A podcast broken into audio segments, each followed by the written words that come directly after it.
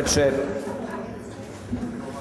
Drago mi je što mogu da vas vidim u istom broju i što je sala puna. To znači da interesovanje nije splasnulo, znači da se dalje interesujete za ovu temu.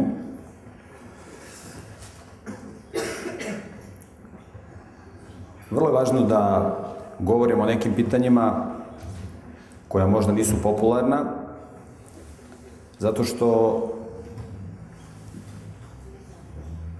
živimo na, na planeti Zemlji, živimo u svetu gde ljudi imaju velikih problema i ako hoćemo da rešavamo problem, onda treba da se bavimo uzrokom problema, znate. Ono što je praksa u savremenom svetu za rešavanje problema jeste da se ljudi bave simptomima. Dakle, čovek spava pored otvorenog prozora, tamo na, malo dalje su otvorena još jedna vrata i još jedan prozor, i onda duva promaja, i onda njega boli glava, i onda on kad ode kod lekara, dobije tabletu protiv bolova, i onda on kad popije tabletu, prestane da ga boli glava, i taj bol, tog bola nema dok deluje tableta. I onda kada prestane dejstvo tableta, opet glavobolja.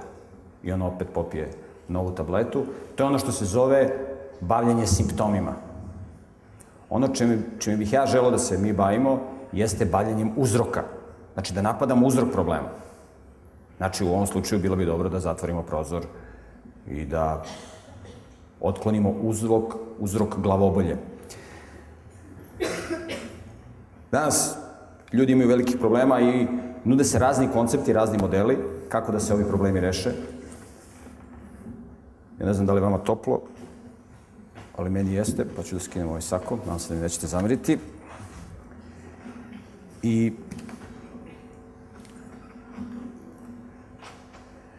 Dakle, ljudi imaju velikih problema i ono o čemu bih ja želeo da govorim jeste šta problem jeste, znači da, ga, da obavimo diagnozu problema i da onda napadamo uzrok problema. Znači šta možemo da uradimo? Postoje ljudi koji se hvale kako se dobro osjećaju, kako su zdravi i tako dalje. Međutim, kada odu na lekarski pregled, onda im lekar konstatuje da imaju hepatitis, da imaju teško obolenje bubrega, da imaju čir na želucu, da imaju rak pluća, da imaju tumor debelog creva. I oni kažu kako je to moguće? Ovaj svet zaista izgleda s polja našminkan i lep i stalno se promoviše priča kako u ovom svetu je sve dobro, ti neki problemi koji se dešavaju, oni će lako da se reše, snimaju se brojni filmovi, tako? I u slučaju ako naleti neka kometa ili asteroid, tu su Amerikanci, tu je Bruce Willis koji će na letelici da reši problem komete.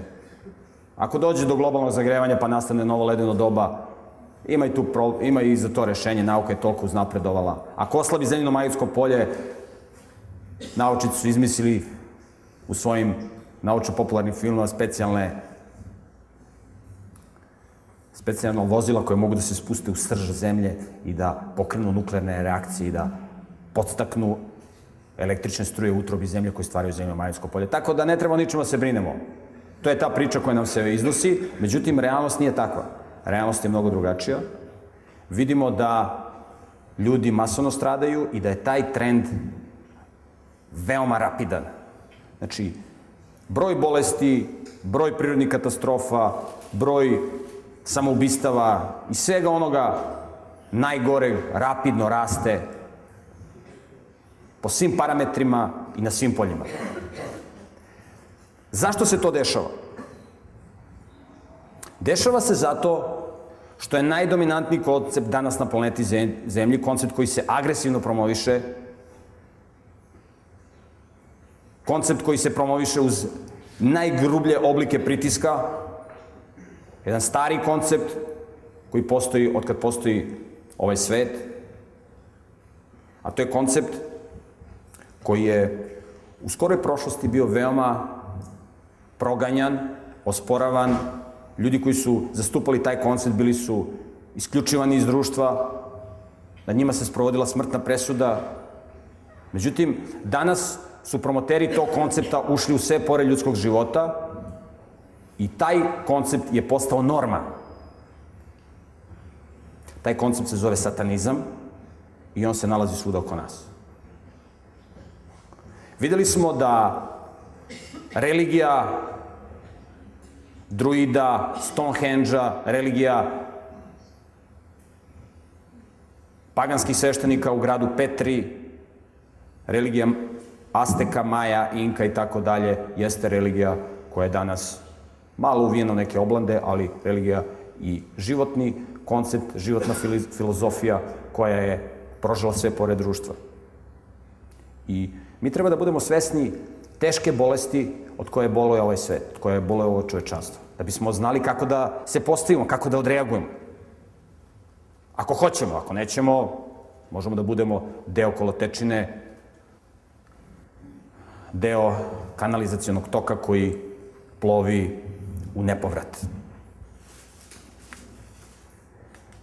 Dakle, u skoroj prošlosti promoteri satanizma su bili najžešće sankcionisani. Danas ti isti njihovi potomci, dakle, promoteri istog tog koncepta, šire priče o starim, zaostalim vremenima, mračnim vremenima, jer žele da prikažu ta vremena kada su bili proganjani i kada su loše prolazili kao mračna vremena. Sećate se srednjeg veka, iz istorije, inkvizicije, to vreme se smatra i promoviše mračnim srednjim vekom. Činjenica da su mnogi nevini ljudi bili proganjani. A kada toga nije bilo? To je bilo uvek. Međutim, činjenica da su u tom srednjem veku, takozvanom mračnom, satanisti bili najžešće sankcionisani od strane hrišćanske crkve. Dakle, crkva hrišćanska je bila imuni sistem jedne države, jednog naroda, imuni sistem. Znate kada vam oslabi imuni sistem, znate kako nastaje rak? Rak nastaje tako što, rak bolest, nastaje tako što čovjek oslabi imuni sistem. Možda svakoga dana neke od naših ćelija u našem organizmu mutiraju u ćelije raka. Možda, mi to ne znamo. Ali vrlo je moguće da svakog dana neko od naših ćelija možda mutira, pretvori se u ćeliju raka. Ali postoji imunni sistem koji prepoznaje staro, strano telo i uništi ga. I kraj priče. I mi ne znamo šta se dešavalo u našem organizmu. Međutim, ukoliko čovjek ima slabi imunni sistem, onda dolazi do toga da ta ćelija raka počne da se umnožava. Ona počne da se umnožava, umnožava se, a vidite ono što je karakteristika ćelija raka, ja sam to o tome govorio u mojoj knjizi Nauka i problem smrti, ćelija, ćelije raka nemaju mehanizam da stare. One ne mogu da umru. Ćelije raka mogu večno da žive. I one žive onoliko dugo koliko je živ medijum, koliko je živ organizam u kome oni egzistuju. I sada vi imate slabi imunni sistem. Oslabite ga nezdravim načinom života, konzumiranjem narkotika, stresom. Danas se čovjek nervira zbog raz, različitih besmislenih stvari, zato što nema ovo, ono, vide neku reklamu, pa sebi to ne može da priušti. Ili je sebi priuštio, digao je kredit, pa se sad nervira što ne može kredit da vrati. I čovjek oslabi imunni sistem i imunni sistem ne prepozna strano telo. Ne prepozna ćeliju raka i ćelija raka počne da se umnožava. Umnožava se, umnožava se i tokom izvesnog vremena formira se kancerogeno tkivo. I onda se od tog kancerogenog tkiva otkači neka ćelija i putem krvotoka ode na neko drugo mesto u našem organizmu, tamo se negde zaustavi i tamo nastavi da se umnožava. Tamo metastazira. I čovjek sam se pretvori u metastaze. Postane metastaza raka. I onda napipa neki čvor, neku grbu, to je kancerogeno tkivo. I onda osjeti bol.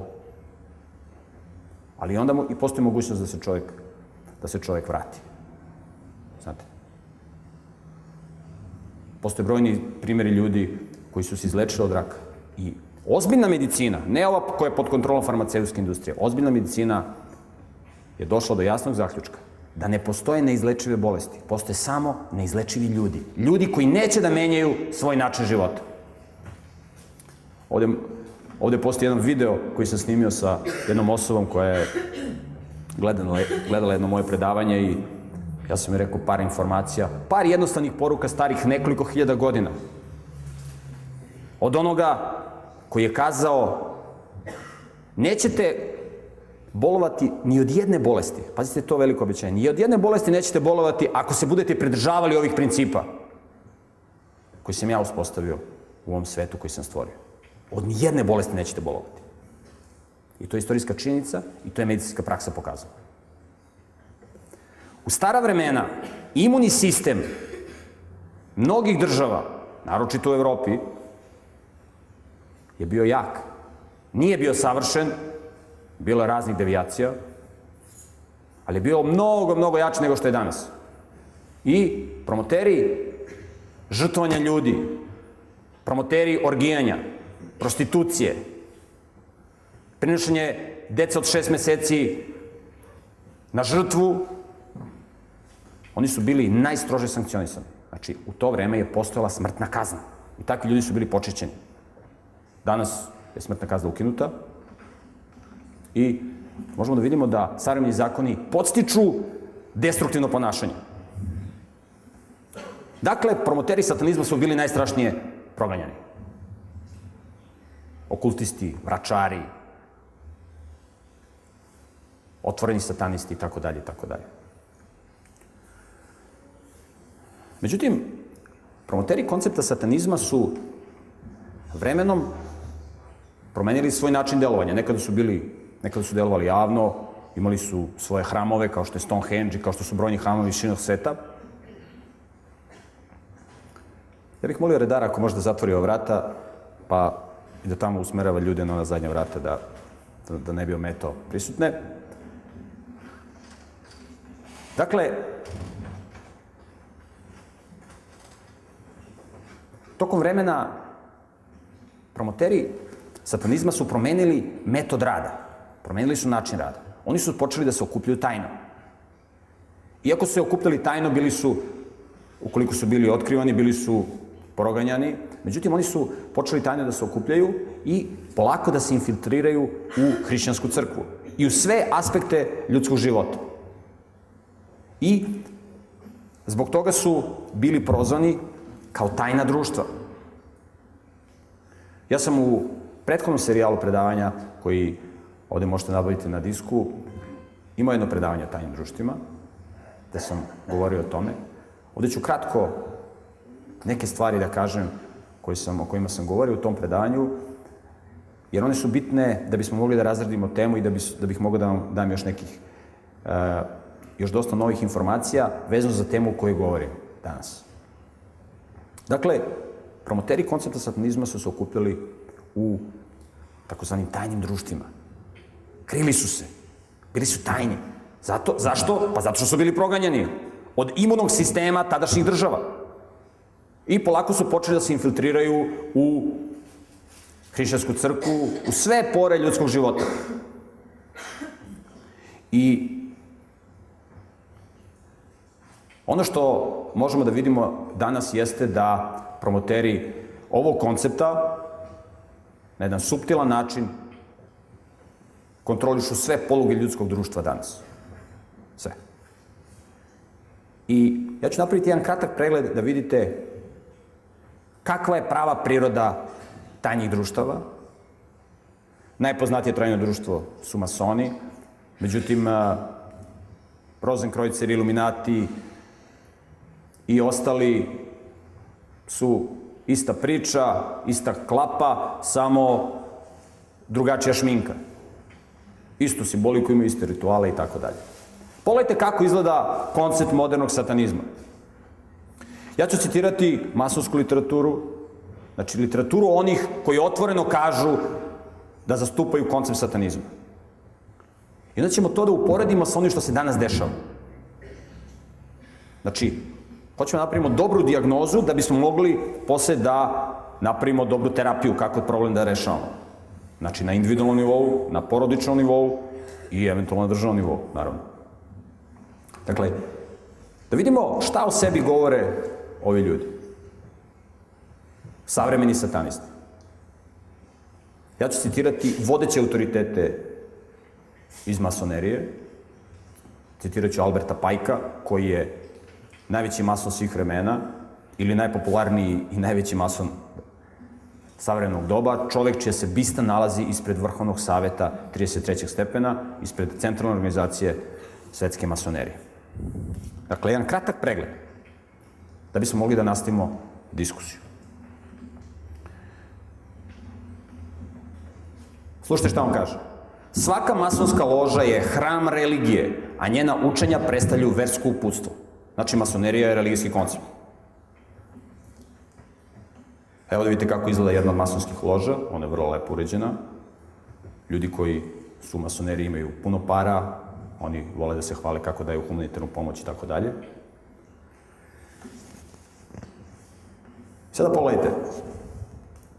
Sjetite se onoga što smo govorili u prethodnim predavanjima. Kog Boga su obožavali oni koji su prinosili ljudske žrtve? Obožavali su Boga sunca. Bog sunca je bio glavni Bog koji su oni obožavali. Slušajte šta kaže savremena masonerija.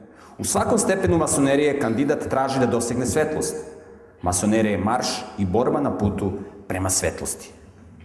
Sunce je drevni simbol životvorne i generativne moći božanstva. Obožavanje sunce postalo je osnov svih religija drevnog sveta. Ovo je tačno. Možda bi samo ovde ispred svih trebalo da se stavi skoro svih. Postala jedna religija koja, koja nije obožavala sunce. A to je ona religija koju je Bog vodio. Ali generalno svi drugi narodi Bio je samo jedan narod koji nije prihvatao obožavanje sunca, svi drugi narodi su to obožavali. Pazite dalje.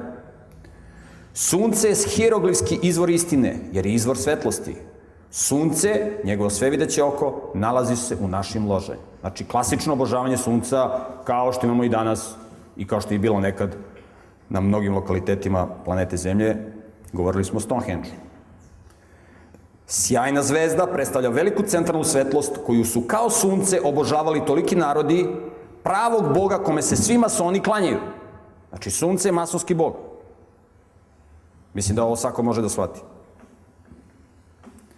Oziris, znači do grčko božanstvo, ti bogovi kojima su se klanjali paganski narodi, imali su razne imena. Moloh, Hermes, Oziris, Baal i tako dalje. Oziris je jedan bog koji je takođe tražio ljudske žrtve, koji je bio obožavan u Egiptu.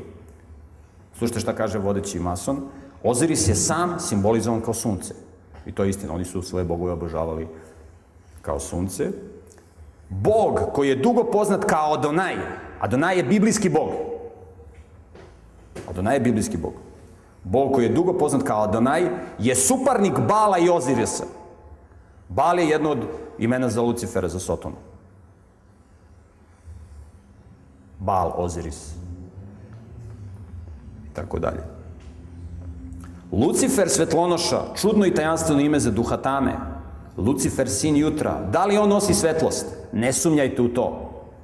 Kaže vodeći mason. Đavo pali Lucifer ili svetlonoša ponavlja još jedan put.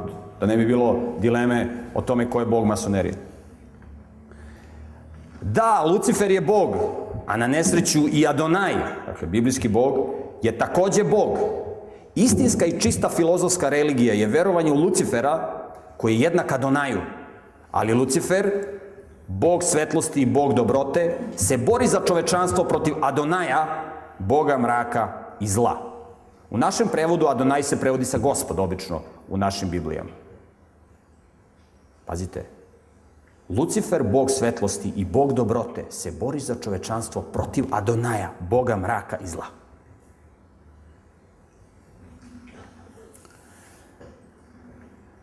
Zadatak svakog masona je da otkrije tajnu masonerije. Tragaj i naći ćeš. Sad pazite šta je tajna masonerije.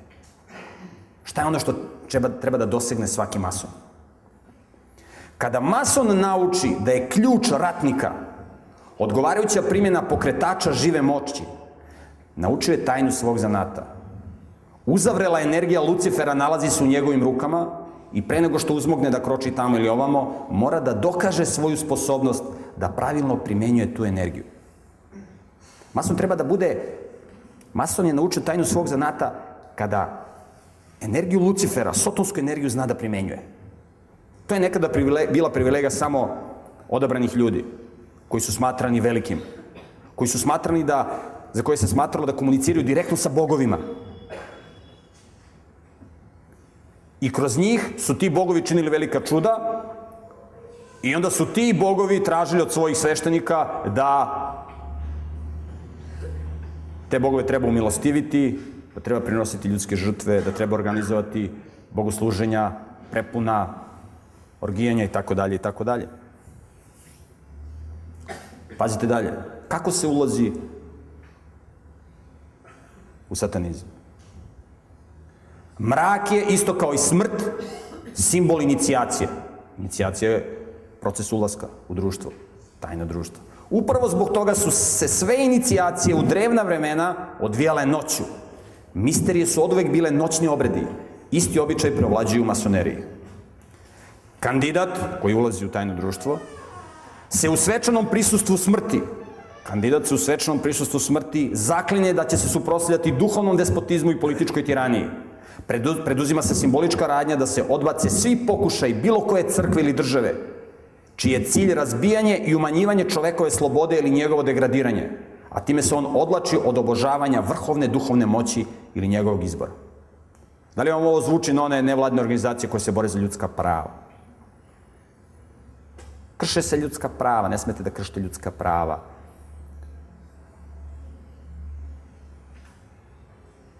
Krše se ljudska prava dece. Najve, najveće kršenje ljudska... Najveće kršenje prava deteta je kad ga nasilno odlačite od roditelja, kad ga nasilno odlačite od majke. To je najveća trauma koju dete može da doživi. Dete se rodi i veže se za majku. Znate, dete ne može da se razvija ako nema majčinsku ljubav. Jer onda se pokreću hormoni rasta kod deteta. Dete se nasilno odlači od majke, ono plače za majkom, vrišti, ona vaspitačica kaže, naviknuće se, naviknuće se ništa. I onda deca oboljevaju od raznih bolesti. Jedan moj poznanik ima sina od 9 godina koji mora da se bode iglom zato što je šećeraš. I on se godinama hvata za glavu kako njegovo dete dobilo šećernu bolest. I onda me pitao, pa kaže, kaže, vidim, vi se razumete, kako, zašto moje dete dobilo? Jel to može, da, to može da se reši, to može se, da se pobedi? Pa sve može da se pobedi. I onda ja njemu kažem šta može da bude uzrok šećerne bolesti. On kaže zdravo se hranimo, ovo, ono. Onda ja njemu nabrojim razvoj, između ostalo spomenem mu stres. Stres je poljubac smrti. I on se uhvati za glavu. Kaže, mi smo naše dete, kaže, kad je bilo malo, forsirali da idu u obdanište, a ono nije htelo, je. Mesec dana smo ga terali svaki dan i nije htelo. I morali smo kući da ga vratimo. I kaže, posle toga je dete dobilo diagnozu. Pa ne moramo mi da nosimo našu decu na oltare i da ih koljemo. Dovoljno da dete stavimo pred televizor, da gleda satanizam i da ubijemo naše dete. Da, da gleda ono, ono, ono klanje, one, one, one monstruoznosti, one, one gadosti. I da se pretvori u čidovište. I onda kad čujete, pročite u novinama, kaže ubio majku, ubio oca. Kaže, bilo dobro dete. Pa to za slepog čovjeka je možda bilo dobro, pa slepac ne vidi. Razumete? A ljudi se danas postali pored očiju slepi pa ne vide šta je dobro, šta je zlo. Šta je slatko, šta je gorko. Otupe im čula. Znate, čovjek koji puši, on, on teško može da prepozna šta je ukusno. On teško je možda prepozna. Čovjek koji se nezdravo hrani. Otupe mu čula. Znate onaj eksperiment sa pacovima? Bile su dve grupe pacova, poznati eksperiment. I onda jedan, jednu grupu pacova hrane žitaricama, a drugoj grupi pacova daju ovaj junk food, junk food što jede omladina na zapadu. One gumene krofne, one hamburgere, hot dogove i tako dalje. I onda su davali pacovima vodu sa 10% alkohola da piju. Ova grupa koja se hranila žitaricama nije htjela da pije vodu sa 10% alkohola. A ovi pacovi koji su jeli junk food, oni su pili bez problema. Otupe im čula. I onda im promene ishranu. Ove pacove daju im da jedu biljnu hranu, daju im žitarice. A ovi, ovima daju da jedu ovo smeće. I onda ovi počnu da piju alkohol bez problema. Sa 10% alkohola. Razumete? Čoveku otupe čula. Razumete? Postoje savremeni, subtilni, sofistikovani metodi ubijanja ljudi. Nije ko nekada ono pucate mu iz pištolja, ono sablja, otfikarite glavu. Ne, sad se rade sad. Znate, duhovni genocid je mnogo strašniji od fizičkog. U fizičkom genocidu vi znate ko vam je neprijatelj pa možda se branite. A u duhovnom genocidu, koji se sprovodi, vi morate da budete dobro duhovno izgrađeni da biste se zaštitili. Jel dođu Vukovi u jagnjećim kožama i predstavljaju se kao prijatelji nasmejani na te ovi na reklamama. Sve nude nešto dobro. Sve na reklama nude nešto dobro. A posljedice je bolest i smrt, kao što vidite. Znači, čovek treba da ima slobodu, kako ovde piše. Da može da radi šta hoće. Šta tebe briga što ja bušim rupu ispod mog čamca? Ispod mog sedišta u čamcu, šta te briga? Bušim ispod svog sedišta, ne bušim ispod svog. Pa ne može to tako, prijatelju. Pa ne može to tako.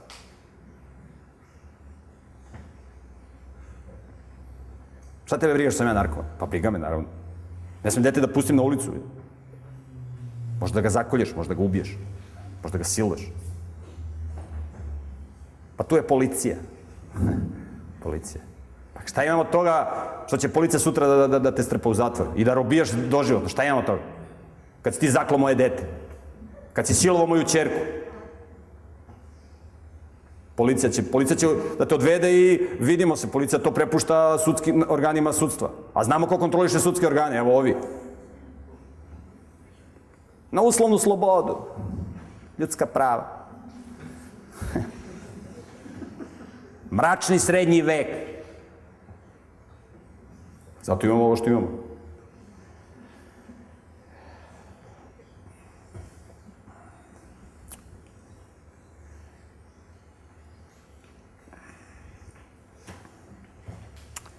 Ono što je, što bih sada želeo da vam pokažem, to je jedan video zapis. Kao što znate, jedan od najvećih svetskih bestsellera kada su u pitanju knjige jeste knjiga Da Vincijev kod, koja je prodata u milionskom tiražu. U toj knjizi se agresivno promovišu tajna društva, negira se sve ono što je biblijsko, onako agresivno, vulgarno, brutalno, nemilosrdno. I u toj knjizi se promoviše ritual koji se primenjivao i na Stonehenge, koji se primenjivao na mnogim hramovima neznabožačkim, da su se prinosili ljudske žrtve, da je bogosluženje bilo orgijanje i promoviše se jedan film koji je bio vrlo popularan. U pitanju film Širom zatvornih očiju sa Nicole Kidman i Tomom Cruzom. I evo da vidimo kako izgleda jedan od rituala u masoneriji. Evo, neću pustiti celu scenu, pustit ću jedan deo. To je vrlo važno u ovom trenutku, da bismo mogli da izvršimo upoređenje sa nekim savremenim trenucima i sa nekim momentima koji imamo ovde oko nas. Dakle, pogledat ćemo ritual, kako izgleda jedan od rituala u jednom tajnom društvu. Dakle, puštam videoklip da vidite.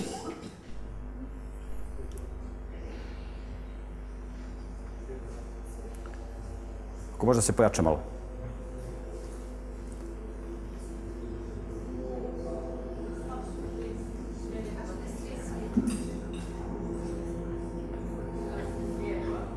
Evo sad ćemo ugasiti svetlo.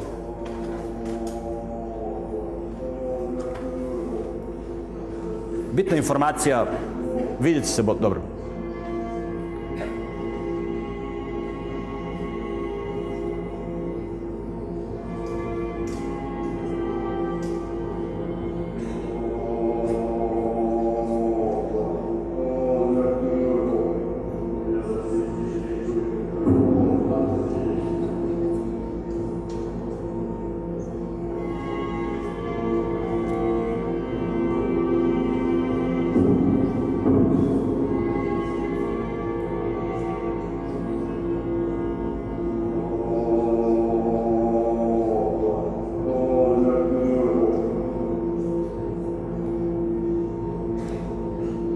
Čovek u sredini je Sotonin prvosveštenik ili masonski prvosveštenik.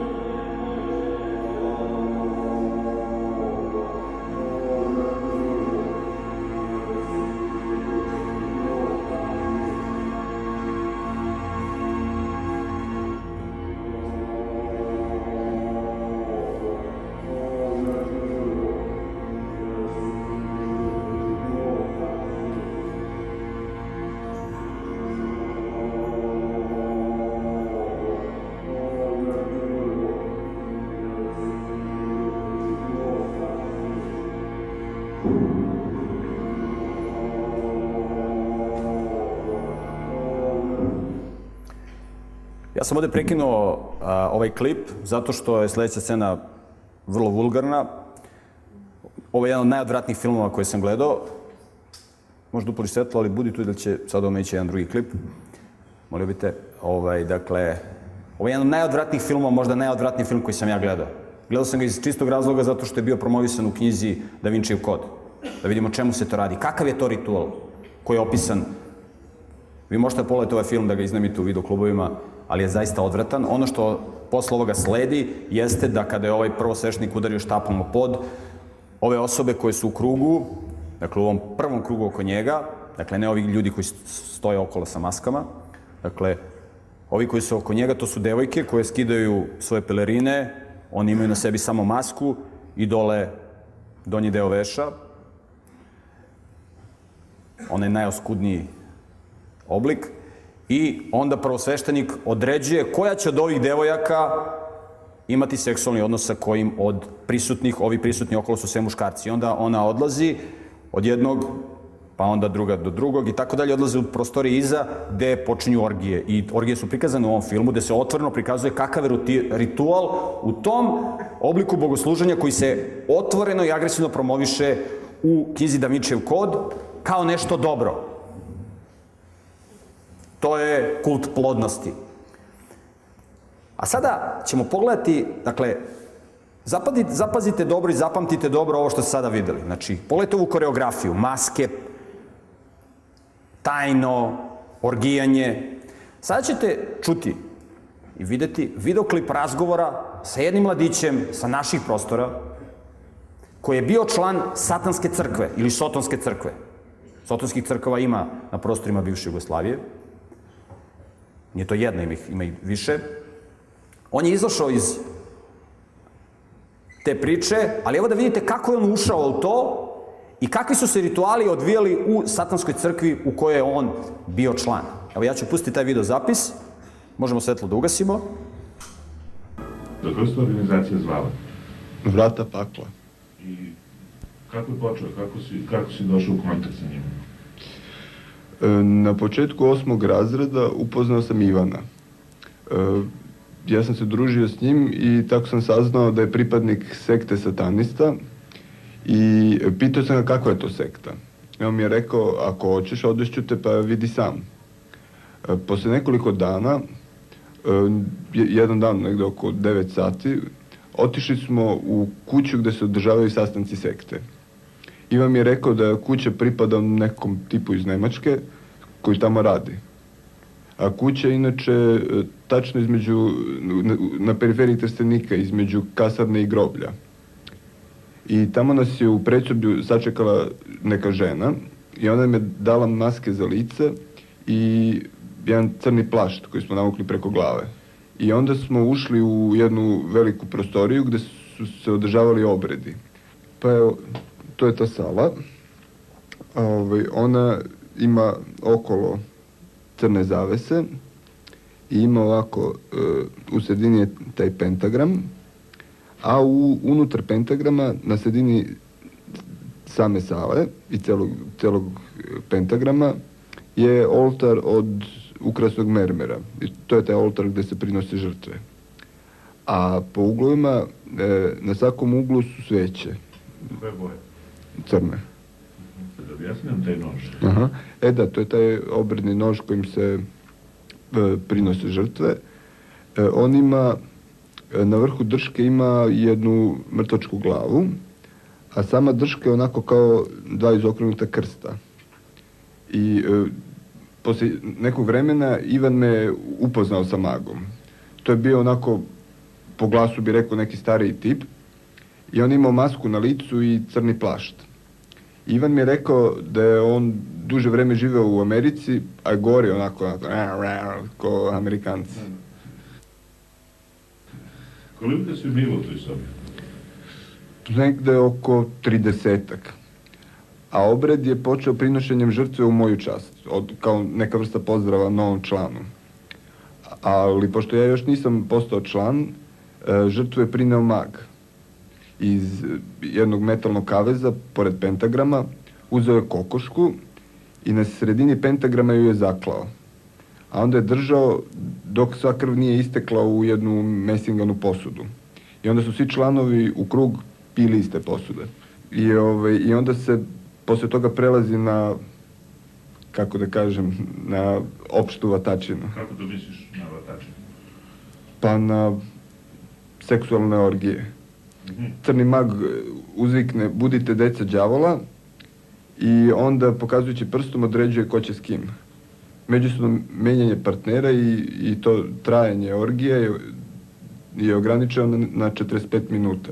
I posle toga e, svi članovi u klečećem stavu u krugu oko pentagrama e, recituju u isto vreme svi e, pesmu Oče naš, ali u, sat, super, u satanističkoj verziji. Naš na pamet, se sećaš te molitve? Na nebesi iže jesi oče naš, klanjaju ti se tvoja deca, povedi nas svojim putem, putem zla. Učini da svi naši bližnji budu tvoja deca, da u našim srcima vlada haos, a ti budeš gospodar nad nama i našim dušama. Žrtvujemo se tebi sotono, pokaži nam put, daj nam ono što ti imaš, daj nam nadljudsku moć. I onda, posle završenog obreda, izlazimo iz sale jedan po jedan, u razmaku od jedan minut. I e, svaki od učesnika skida masku tek na samom izlasku, kad izlazi iz te kuće i e, ne sme da se zadržava iz razloga da kako se ne bi međusobno bliže upoznali. I dobio sam Antikrst, Pentagram i e, pet časopisa Bad Religion, to je u prevodu loša vera sa engleskog. Drugi put sam bio u januaru 93. E, I onda mi je mag dao da kao žrtvu prinesem kokošku. On mi je dao nož i ja sam uzao kokošku u kavezu i zaklao sam je pred svima. I onda sam krv njenu pokupio u činiju. I posle toga crni mag je uzeo antikrst, potopio u činiju gde već bila krv i sa krstom me poprskao suda po, po telu. Ja, ja sam bio u odeći onda. I e, onda sam ja lično dao činiju da svi članovi popiju iz nje po gutljajte kokoše krvi. I tako sam postao tim činom punopravni član. Zatim sam stupio u seksualni odnos e, sa osobom koju je odredio mag. I za vreme tog odnosa e, maska je stalno na licu, ali je dozvoljeno skidanje kompletne, naravno, kompletne odeće oba partnera. E, mag mi je rekao, sad samo da napuniš 15 godina, postaćeš pravi Luciferov sin.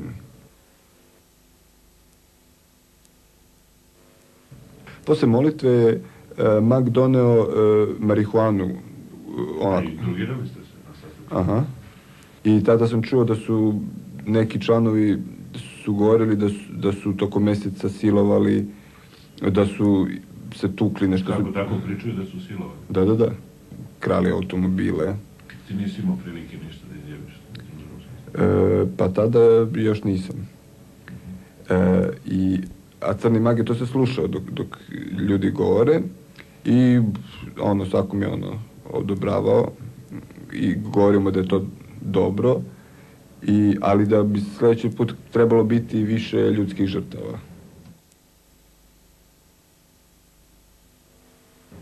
Posle nekoliko meseci ili možda i pola godine e, sam došao i na treći sastanak ovaj put je Crni mag samo je rekao na početku sad je đavo sa vama i budite svi njegova deca.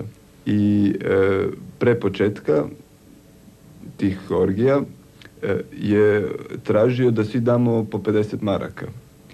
Znam da nabavljaju tu drogu preko Albanije i sa Kosova i pa, pa pretpostavljam da je to verovatno za to. I tada je i sam Crni mag bio ovaj, učestvovao u orgijama i to je trajalo negde, pa boga mi, negde oko dva sata. Ti si otprilike bio tri godine, jel da? pripadnik te organizacije. Da. Ali možeš meni reći neka dela koja si... Pa, pa ne bi baš, nije za javnost. Mislim, uglavnom, nisam nikog ubio.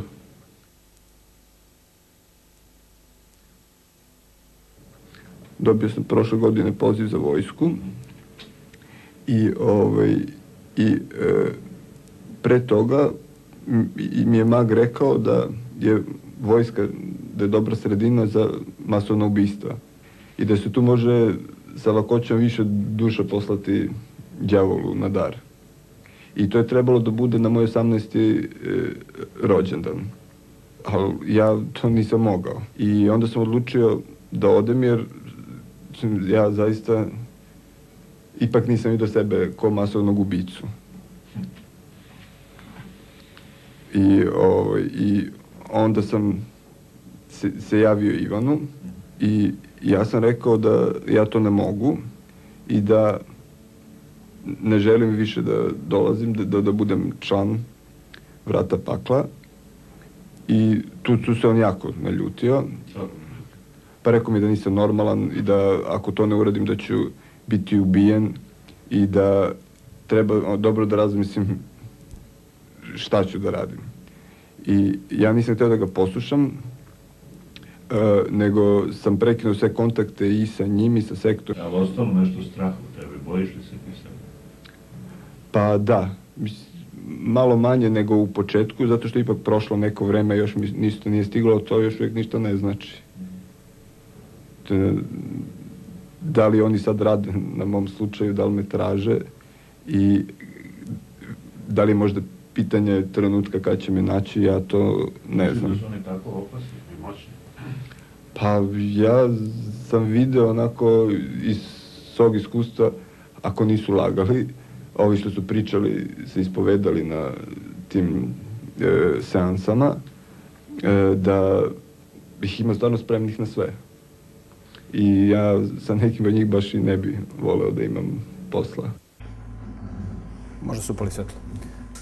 Ovaj klip je bio malo, možda malo duži, nadam se da ste izdržali, ali je vrlo važno da vidimo tu priču i da uočimo paralelu, odnosno sličnost između onog klipa pre toga i ovog klipa. Mislim da je podudar, podudarnost apsolutna. S tim što smo ovde mogli da vidimo da se ovde prinose žrtve u ovom klasičnom brutalnom satanizmu. Međutim, ni ovaj moderni satanizam u obliku tajnih društava ne preze od toga, kao što možemo da vidimo na onome što kaže najpoznatiji mason. On kaže, nije tačno kada se kaže da jedan čovek, ma kako mali bio, znači i dete, ne sme biti žrtvovan drugome. To je ne samo prevara, već se ubraje u red najopasnijih prevara. Često jedan čovek i mnogi ljudi moraju u običajnom smislu te reči biti žrtvovani zbog interesa većine. Znači, žrtvovanje imamo u onom, ovome što govori ovaj satanista, bivši satanista, to isto imamo u masoneriji. Ovaj koncept savremenog subtilnog satanizma je koncept koji vlada svetom. Zašto? Zato što su to ljudi prihvatili. Masoni se ponose sa time i oni kažu masoni su najmoćnija organizacija u zemlji. Masonerija ustoličava kraljeve, njena ruka oblikuje sudbine svetova. Svet će nam doći na noge zbog svojih suverena i pontifikata. Suvereni su političari vladari, a pontifikati su sveštenici. Mi ćemo uspostaviti ravnotežu u svemiru i biti vladari nad vladarima sveta. Mi u praksi možemo da vidimo da ovo što masoni za sebe kažu i ovo čime se oni hvale je istina. Satanizam je zaista prisutan svuda, kod nas tek ulazi i to na velika vrata, ali evo da vidite sadašnji trenutak u svetu kome teži, kome svi teže. Da vidite kakav je sistem obrazovanja, kako je školstvo i šta se u školstvu danas nudi deci. U jučerašnjem predavanju ja sam govorio o noći veštica, koji je postao kao dobar dan na zapadu Noć veštica kada se najviše prinosi ljudskih žrtava svetkuje se i u školama, ne samo u državama. Pogledajte jedan od brojnih primjera u Engleskoj. Informacija je sveža, od pre nekoliko sedmica. Tekst glasi, osnovne škole u Velikoj Britaniji pokrenule projekat Nema outsidera, pod naslovom Homoseksualnost kao stil života. London. Nekoliko osnovnih škola u Velikoj Britaniji uvelo je kao školsku literaturu priče sa gej i lezbijskim likovima, kako bi se najmlađi upoznali sa homoseksualizmom kao osnovnim, kao životnim stilom. U školski program uvrštene su priče poput Kralj i kralj o gej princu ili Za tango je potrebno troje o gej pingvinima koji se zaljubljuju i podižu usvojeno dete. Projekat pod nazivom Nema outsidera vredi 1,16 miliona dolara i ima podršku Ministarstva obrazovanja. Cilj programa je, kažu njegovi autori, da pomogne školama da se priviknu na nova pravila promovisanja homos, homoseksualizma kao načina života. Velika Britanija je 2003. Pazite, 2003. ukinula zakon kojim se lokalnim vlastima zabranjuje promovisanje homoseksualizma kao životnog stila, a projekat Nema outsidera je prvi pokušaj da se gej pitanja uvedu u osnovne škole. Autori projekta tvrde da je on inspirisan izjavom južnoafričkog arhijepiskopa i dobitnika Nobelove nagrade Desmona Tutua, koji je 2004. rekao Svi su insajderi, nema outsidera, bilo da je reč o veri, boji, polu ili seksualnosti. Direktorka projekta Elizabeth Atkinson objašnjava da je jedan od glavnih ciljeva projekta sprečavanje maltretiranja dece homoseksualnih roditelja ili dece za koju njihovi vršnjaci smatruju da su geji. Želimo da stvorimo okruženje u školi gde niko neće biti outsider, kaže ona. Ovo je klasičan satanizam u školi.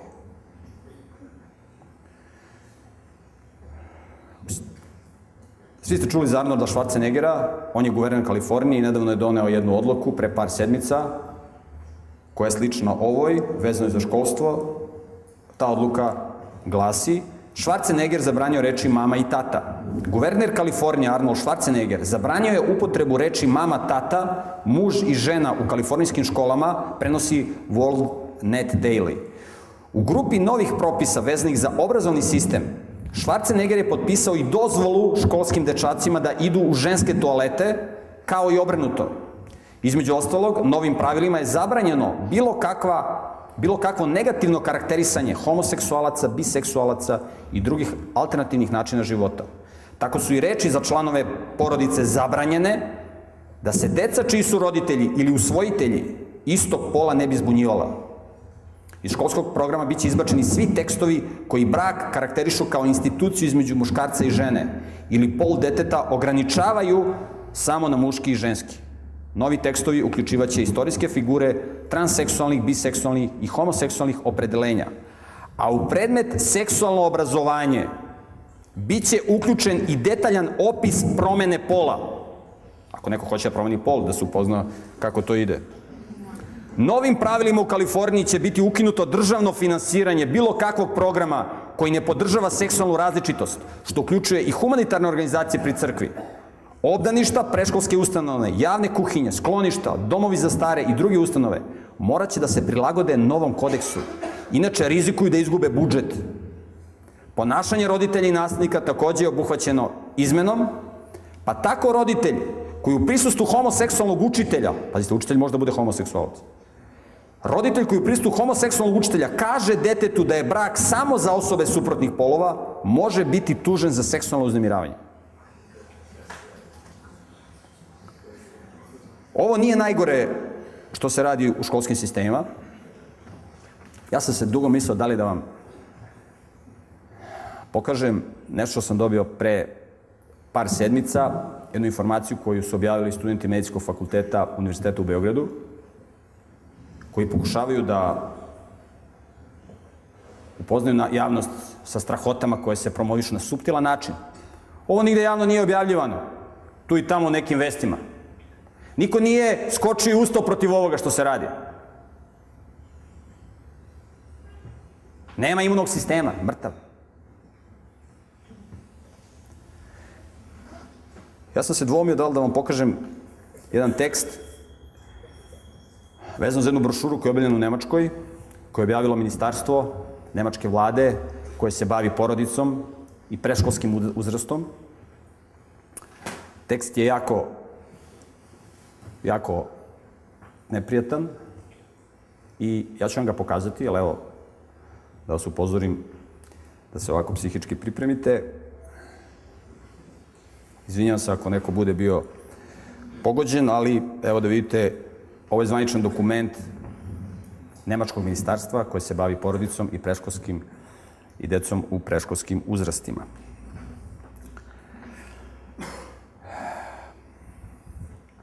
Nemečka federalna vladina dakle, institucija podređena Ministarstvu za porodične odnose objavila je pamflet kojima motivišu očeve da se angažuju u masiranju polnih organa svojih čerki.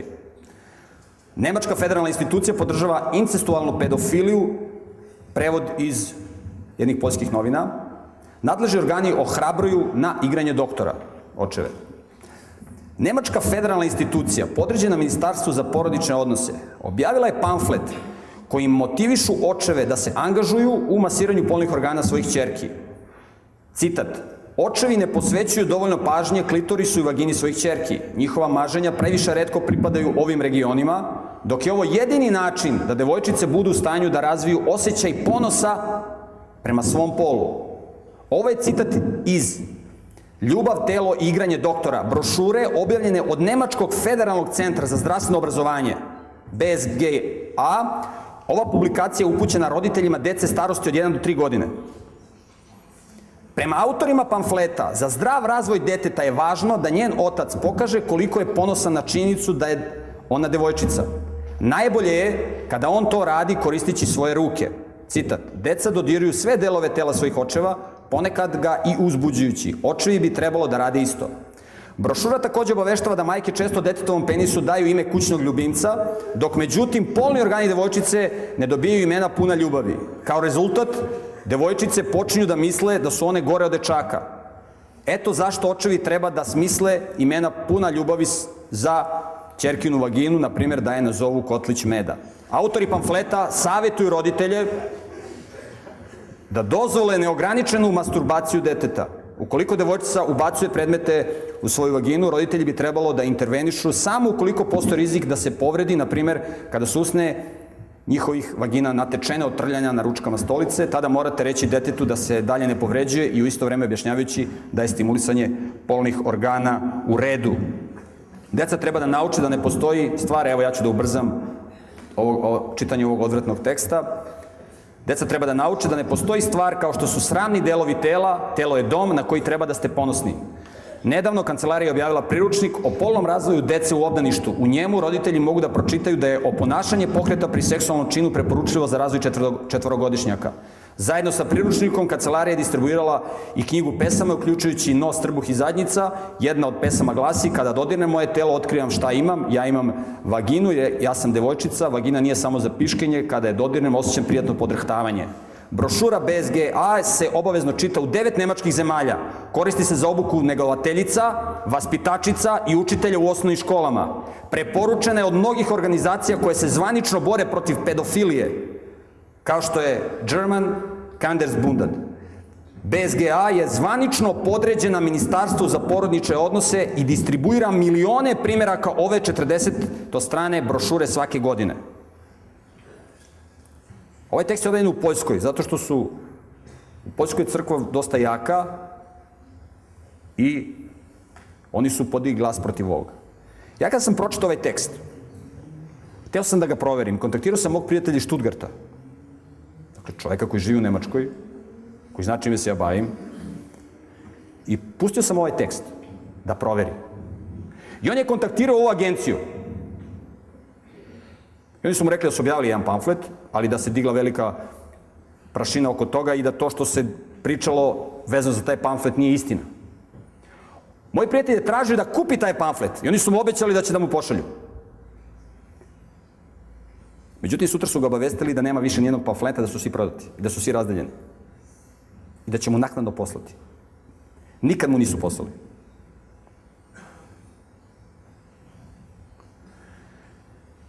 Još jednom se izvinjam zbog ovakih tekstova, ali da vidite šta se radi. Mi ne znamo šta se radi u školama. Roditelji ne znaju šta se radi u školama. Roditelji ne znaju šta njihova deca gledaju na televiziji. A satanisti rade svoj posao. Oni rade svoj. Oni sprovode genocid. Stravičan genocid. Ono što možemo da vidimo, da ova pojava poprima najšire razmjere. Ljudi koji odlučuju o zakonodavstvu, o televizijskim programima, o svim aspektima ljudskog života, jesu ljudi sa početka ovog, ovog mog predavanja. Oni, našminkani, koji učestvuju u ritualima opisanim u knjizi Da Vincijev kod.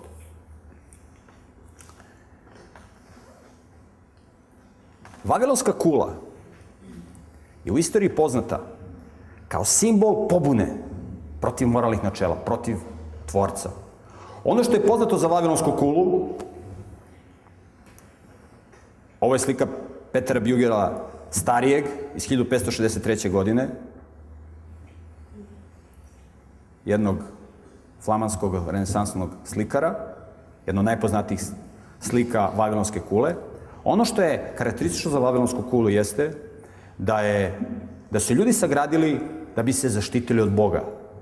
Naime, znamo iz istorije i na osnovu geologije i paleontologije da je jedna velika katastrofa pogodila planetu Zemlju pre oko 4500 godina, zbog velikog nemorala koji je postojao na planeti Zemlji.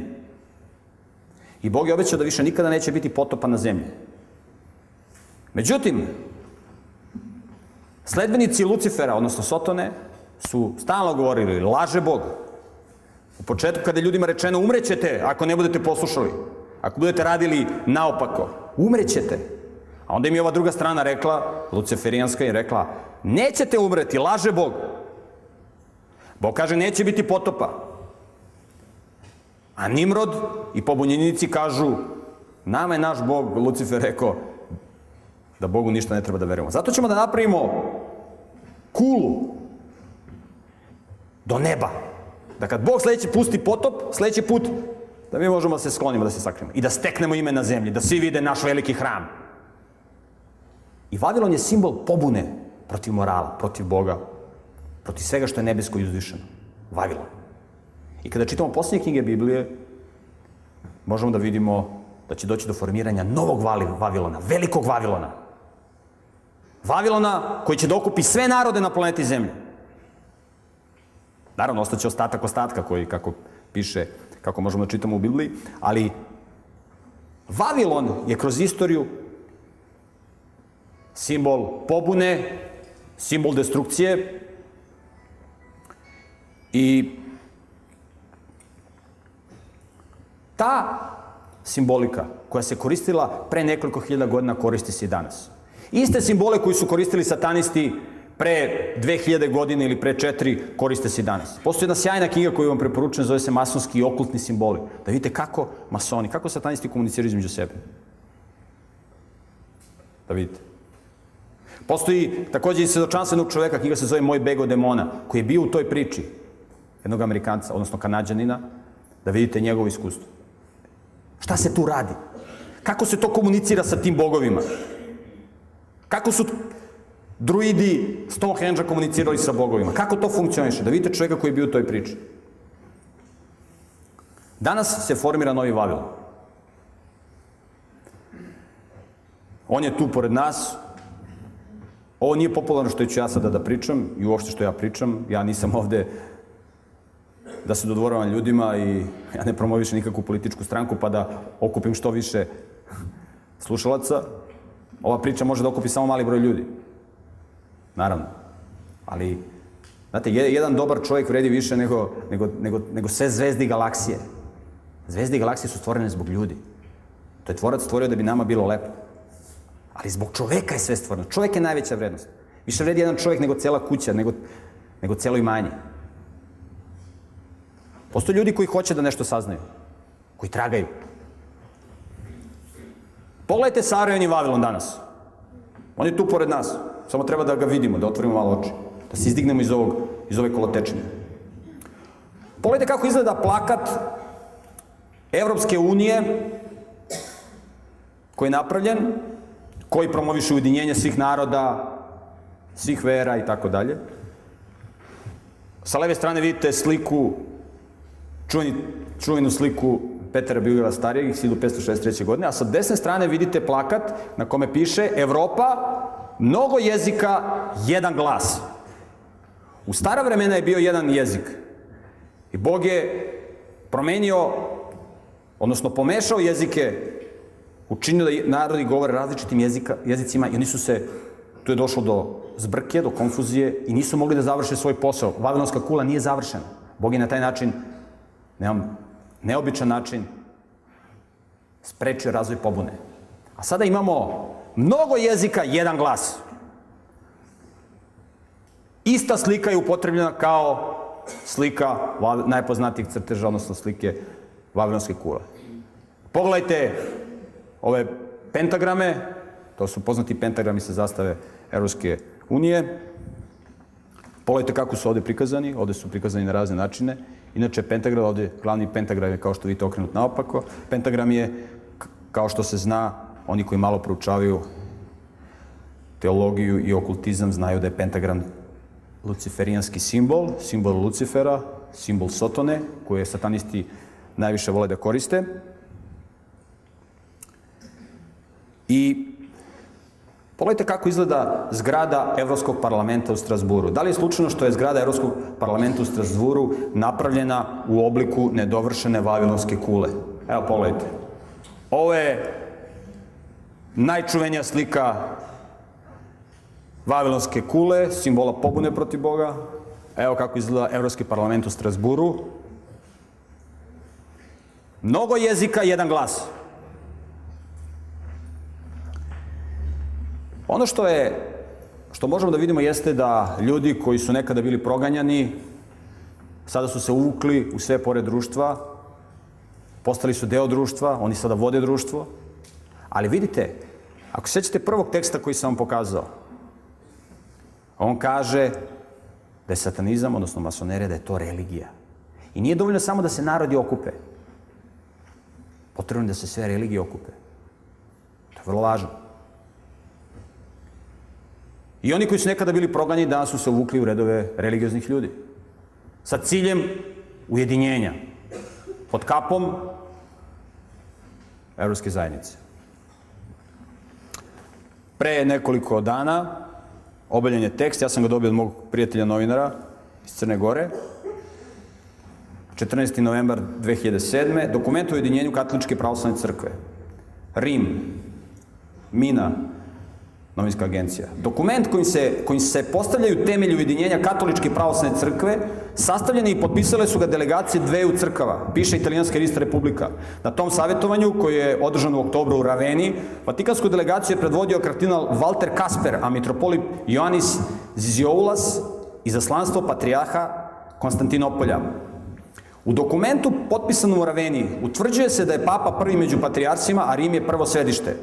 Te dve tačke bile su među glanima koje su dovele do rascepa između katolike i pravoslavaca 1054. godine. A sada bi one mogle biti temelj ponovnog ujedinjenja. Na lokalnom nivou vlasti rukama biskupa, na regionalnom grupa crkvi priznaje unutar sebe jednog prvaka.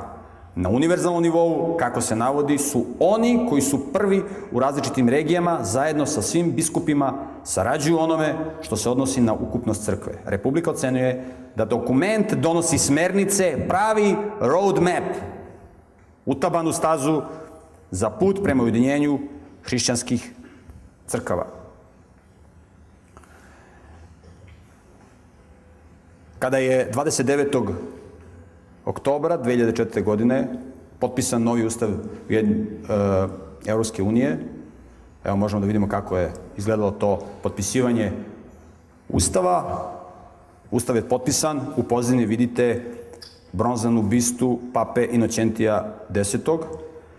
I normalno je da u ovom trenutku se religije ujedinju na ovakav način, gde god odete širom sveta, papa je zaista najveći autoritet religijski. Nije samo u takozvanim katoličkim zemljama, gde, su, gde, gde je rimokatolička crkva, odnosno njihovi vernici najdominantniji. Iste situacije u pravoslavnim zemljama. Ja sam imao priliku da, da držim predavanje i u Rumuniji, i u Bugarskoj, i u Crnoj Gori, i u Srbiji, i u Bosni i Hercegovini, sudade je pravoslavni živalj u većini, mogu da vam kažem da ono što je generalni trend jeste da svi prihvataju papu za poglavara. Svi. To je nešto normalno danas. Njega smatraju najduhovnijim, najuticajnijim.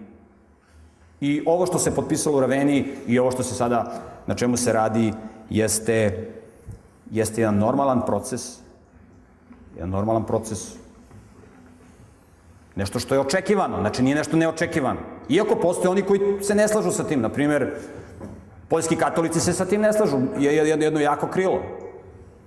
Takođe u pravoslavlju postoji, postoje neki redki pojedinci koji se ne slažu sa ovim ujedinjenjem. Ali vidjet ćemo dokad će to tako da bude. Naprimer, ovaj tekst koji ste videli objavljen je u, u, u poljskim novinama. Ona je o tome šta radi nemačka vlada. To nisu objavile nemačke novine, nego poljske novine.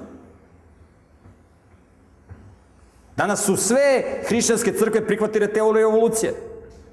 Da je teorija evolucije kompatibilna sa Biblijom. Postoje neki reki pojedinci koji se s tim ne slažu. Opet imate poljske katolike, postoje neke male grupe protestanata i neke male grupe pravoslavnih. Oni su, oni su minorna manjina. Koji se sa tim ne slažu. Ono o čemu ja želim ovde da govorim, želim da govorim o konceptu. Naravno da u svim i hrišćanskim i nehrišćanskim verskim zajednicama ima puno dobrih ljudi. Ja govorim o konceptu, ja govorim o ljudima, o maloj grupi ljudi koji, koje sve kontroliše i koji su se uvukli u sve pore društva. I, kao, I koji kao vukovi u jagnjećim kožama rade svoj posao. To je poprimilo duboke, duboke i pustilo duboke korene u sve aspekte religijskog života, naročito u aspekte hrišćanskog života. Materializam je ušao u sve pore. Religija je postala biznis.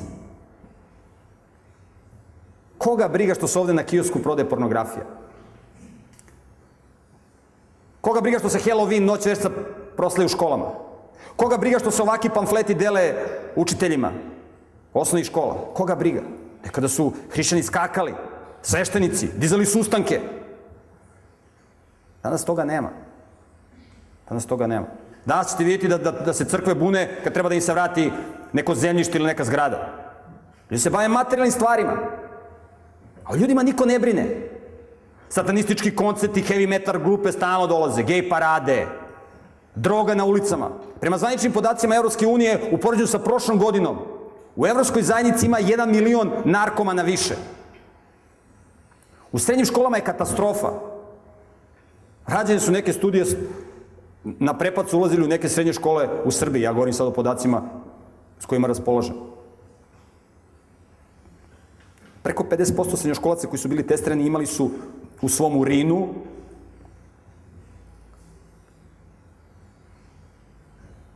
ostatke narkotika zabranjenih. Postoje legalizovane droge, kao što su duvan, alkohol, kofein. Postoje zabranjene droge, ali one će da se legalizuju. Kao što imate u Holandiji, na ulici možete da kupite sve vrste narkotika. Polako. Samo da dok, se, dok se dostigne kritična masa ljudi koji su narkomani, onda mora da se legalizuju, isto kao prostitucija. Kao prostitucija zabranjena. Gde je zabranjena? Nema ko da se digne, nema ko da, da, da, da digne glas, da udari šakom o stoje i kaže, šta radite vi to? Alo, sad ćemo da dignemo ustanak. Koga ćete vi da dovedite ovde? Da vas poliva krvlju kokošaka, kao što imate na egzitu, što traži Slayer, dolazi na Petrovajsku trđu i traže da, da, da dobiju krv s kojom će da prskaju publiku. Ovi pa kao, nemojte, pa dobro, mislim, aj to ćemo za koju godinu, nemojte sad odmah, tek smo počeli. Gde je crkva da se digne da kaže, sad ćemo da, ima da pozovemo sve vernike da, da opkole grad. Dolaze satanisti, dolazi Narkoman koji se hvali kako je ušmrkavao prah svoga mrtvog oca koji je kremiran. On je Kit Richards i Rolling Stonesa. I to je, i to je najvažniji događaj. Policija čuva homoseksualci koji imaju paradu ponosa. Kao što vidite ovo, da devojčice treba da budu ponosne, dečaci treba da budu ponosne. Pogledajte sa čime treba da se ponosimo. Ne da se ponosimo svojim karakterom, svojim, svojom moralnošću, duhovnošću. Nego se da se ponosimo s nečim što bi trebalo da bude naša intima naša privatnost.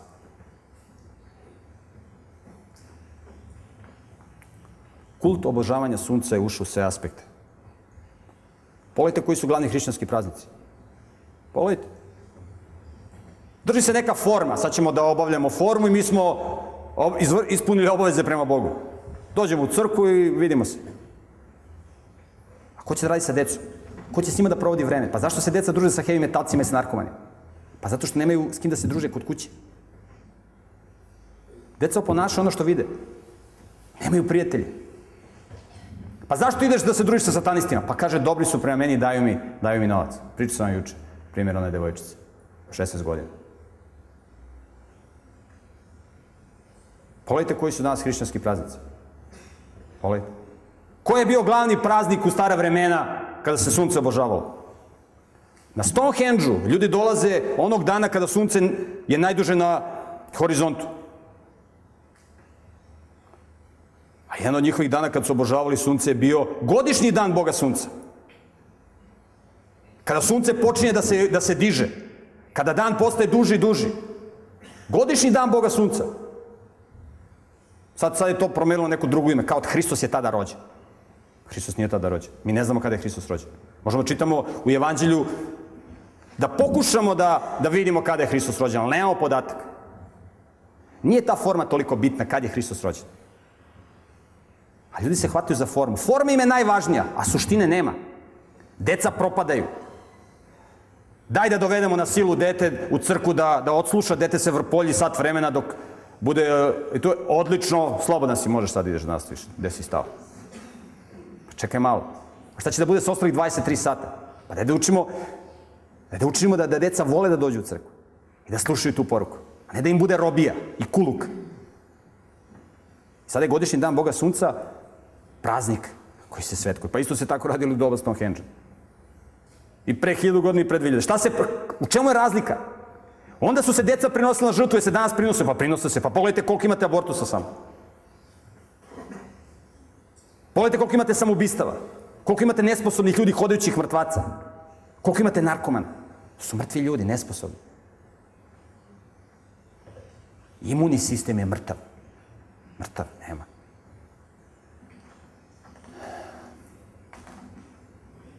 Za slučajeve satanizma Bog je dao recept šta da se radi. Vrlo jednostavno. Stara vremena Sotona se prikazivao i njegovi demoni kao bogovi pod raznim imenima. Videli ste Ozeris, Bal, Moloh i tako dalje. Pogledajte šta Bog kaže.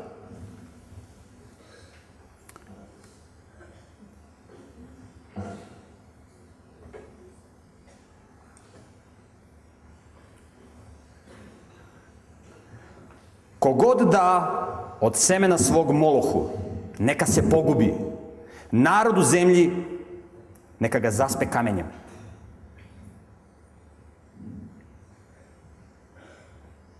A čovek ili žena u kojima bi bio duh vračarski ili gatarski da se pogube, kamenjem da se zaspu, krv njihova na njih. Ovo Boža zapovest. Znači, tu trulu jabuku koja stoji u košari treba da izbacimo. Treba da izbacimo.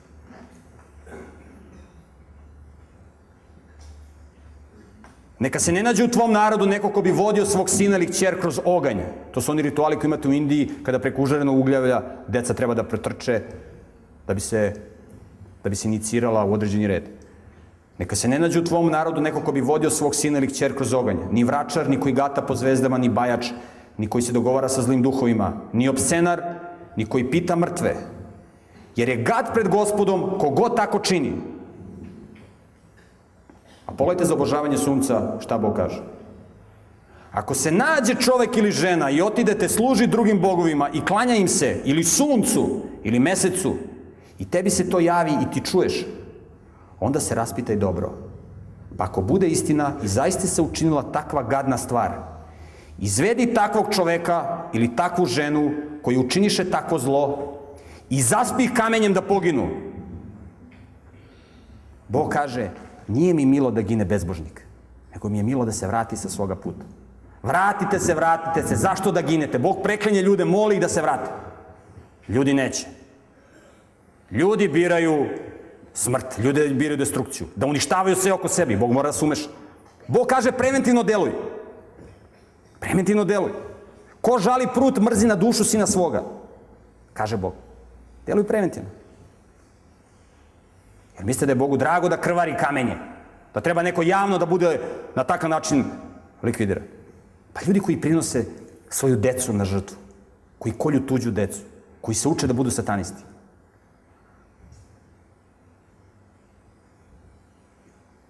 Šta treba sa njima da se radi? Šta? Da dobiju uslovne, uslovne kazne i da se prikažu. Pa bila, kaže, bila tamo neki serijski ubica tamo iz Negotina pobio neke ljude, neki satanista. Izašli na, na državnoj televiziji kažu, došao neki pametni lekar, kaže, pa znate, ovih dana je u Srbiji bila visoka temperatura, znate, možda ga udarila sunčanica. Oni dovedu svog čoveka koji priča gluposti na nacionalnoj televiziji, molim vas. Udarila ga sunčanica. Nije zna, nije bio, nije bio pri sebi.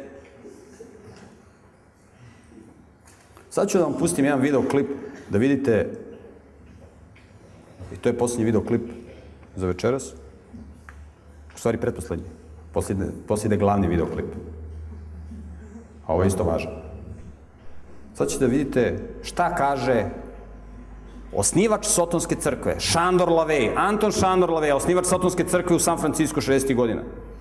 Vidjet ćete ga na ritualu i posjetite da ga vidite sa kapom šta priča o formiranju univerzalne religije. Kako će sve religije da su jedine u satanizam.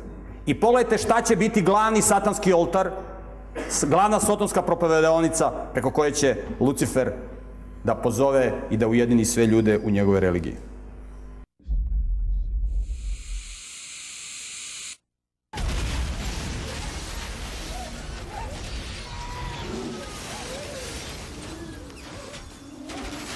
Ted Turner, vlasnik televizije CNN, kaže Kao otac petro dece, meni nisu potrebni eksperti da mi kažu da količina nasilja koja se danas prikazuje na televiziji može da povredi decu. Nasilje na televiziji je najistaknutiji pojedinačni faktor koji doprinosi nasilju u Americi.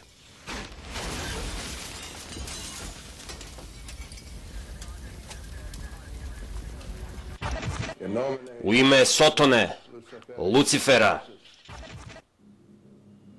u ime Sotona, vladara zemlje, kralja pakla, udostoj nas blagoslovom pakla.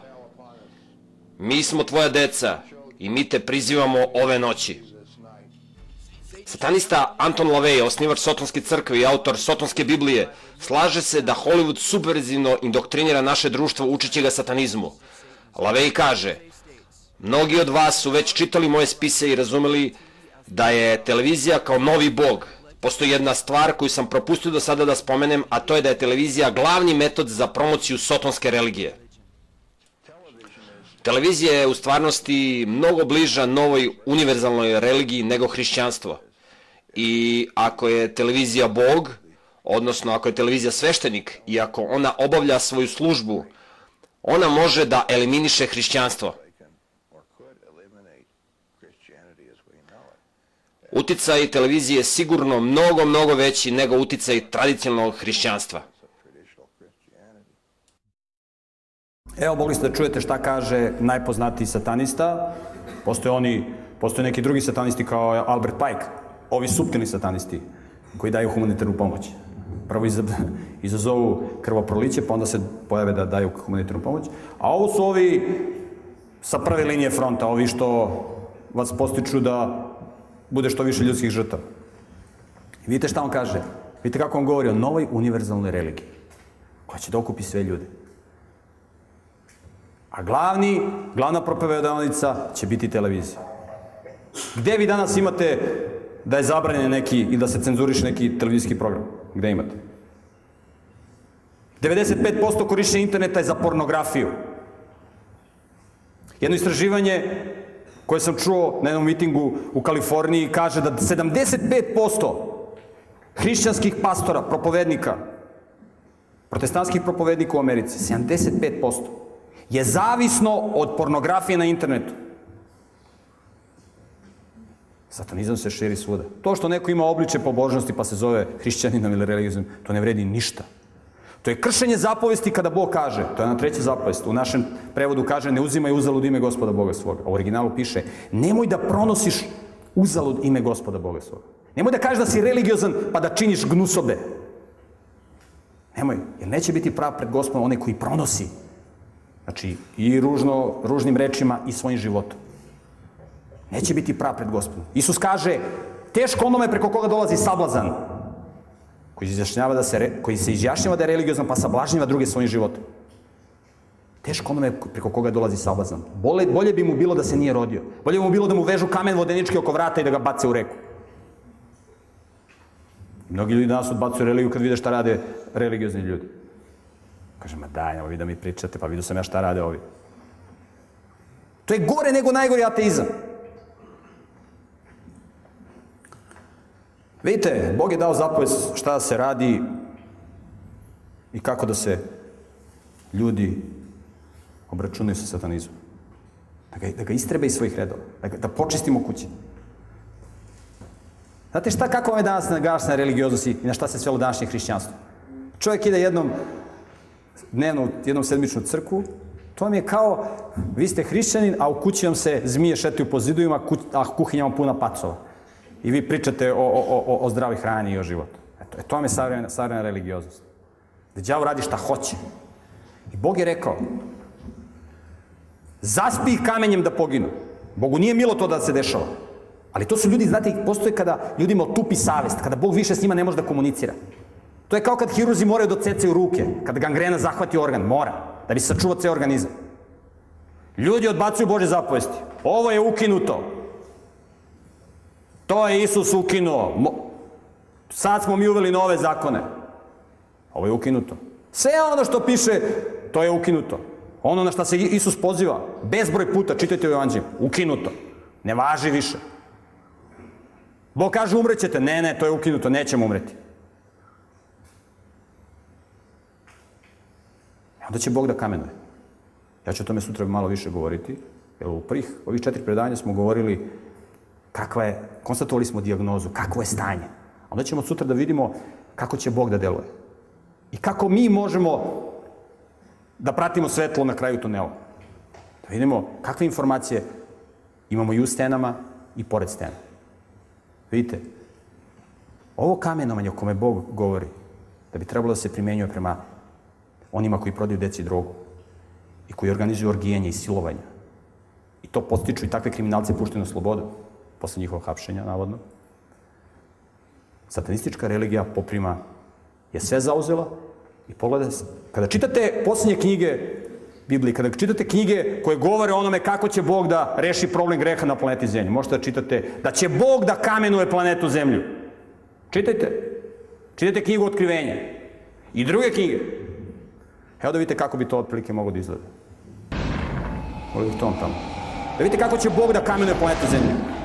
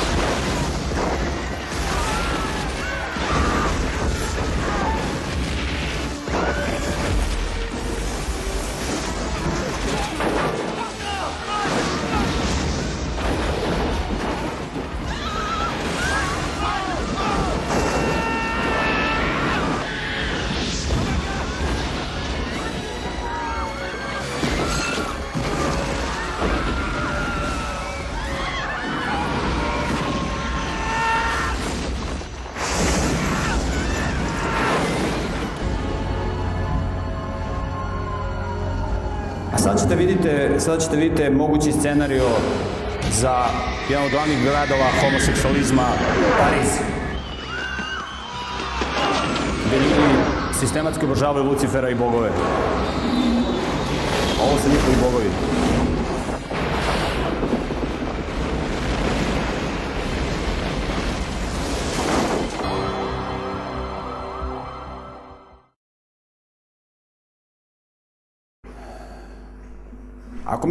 Scenarij nije moguć, čitajte biblijske knjige, čitajte knjigu Otkrivenja, čitajte proročke knjige.